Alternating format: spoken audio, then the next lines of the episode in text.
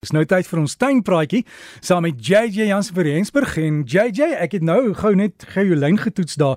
Te hoor ek so geraas in die agtergrond. Reën dit by jou? Dit sousie so by my, weet jy, direk en dit is so lekker. Dit is net daai tyd van die jaar wat 'n mens net weet hoe om jou dae te beplan nie, want skielik as jy dink dit gaan môre lekker sonskyn weer wees, dan sous dit. Ja, so daai liedjie Raindrops keep falling on my head was net vir jou, hoor JJ. Baie baie dankie. Daar's hy. Ek het hom gehoor.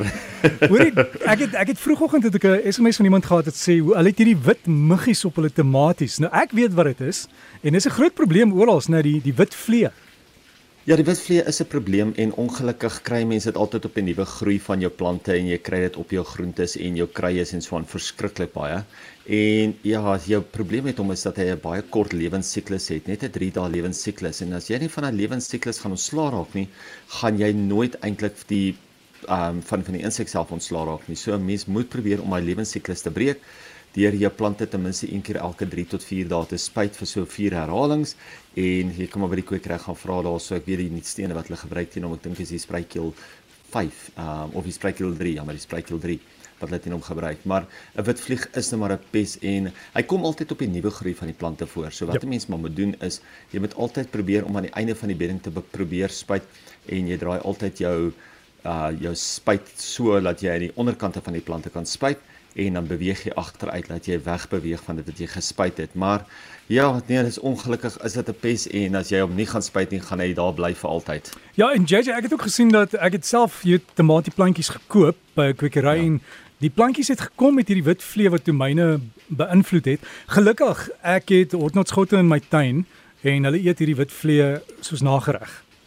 Ja, jy weet hulle vreet hom en ook natuurlik baie van jou perdebye lewe ook weer op die witvlee. So dit sou kom as jy baie van daai perdebye neste eerder sou los in die tuin as wat jy van hulle gaan ontslaa raak, sal jy ook baie minder probleme met die witvlee hê.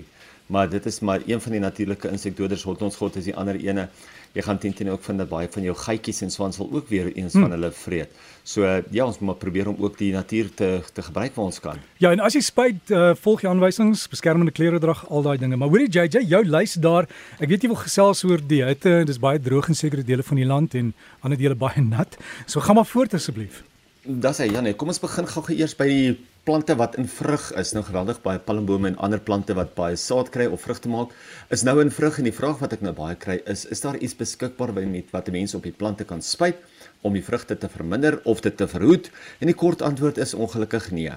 Ongelukkig glad nie. Wat kan wat 'n mens wel kan aandoen wat ek mense altyd aanraai om te doen, is waar dit moontlik is om die blomme of die blomme selfs uit te sny en die vrugvorming te verhoed.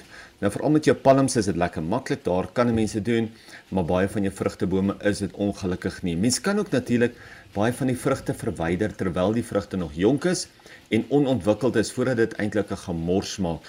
Nou is nie altyd moontlik nie en ek verstaan dit ook so, maar waar dit wel moontlik is, ek weet ek het altyd probleme gehad met stamvye.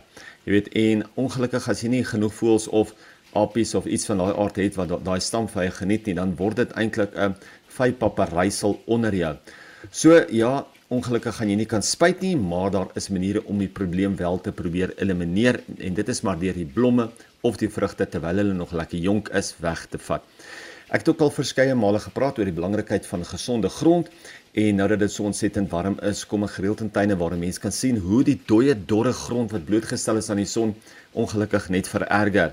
Nou indien dit enigstens moontlik is, sou ek verseker daai kol kolle omgespit word met kompos of kraalmis dat 'n mens dit kan inwerk om die grond weer lewe te gee. Dis juist ook om hierdie rede wat mens wat ek mense maan om nie die grond om te spit tensy jy kompos inwerk nie.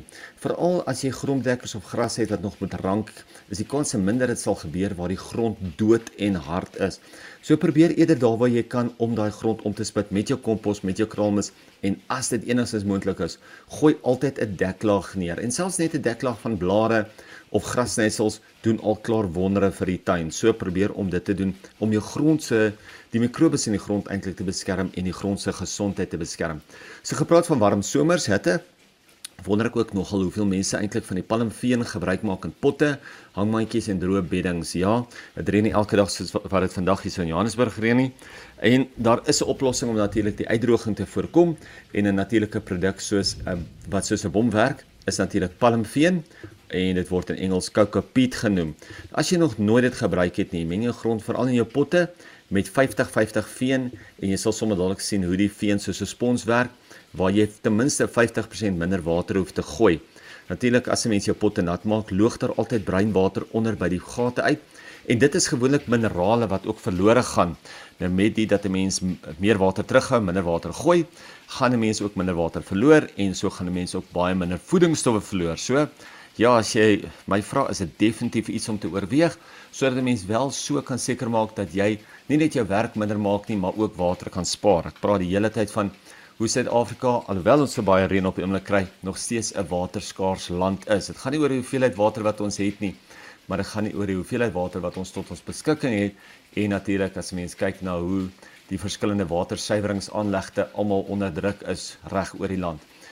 Ja, daar is ook nog baie groot tuine daar buite, maar net so is daar nog heelwat kleiner tuine en veral in die medium tot kleiner tuine wil 'n mens altyd plante hê wat nie 'n tuin oorneem nie. Veral as dit kom by ons rangplante en ons grondbedekkers. Nou natuurlik ons plant van die week vir hierdie week is 'n splinternuwe variëteit sterjasmyn wat ongelooflik baie wat 'n ongelooflike karakter het. Hy het lekker baie karakter, pragtige goudgeel en brons blaarkleur het en hy is baie meer hanteerbaar as die gewone sterjasmyn. Die Tragulospermum Jasminoides summer wave maak ook dieselfde witgeurige jasmynbloeisels en kan gekweek word as 'n grondhekker in potte of as 'n rankplant.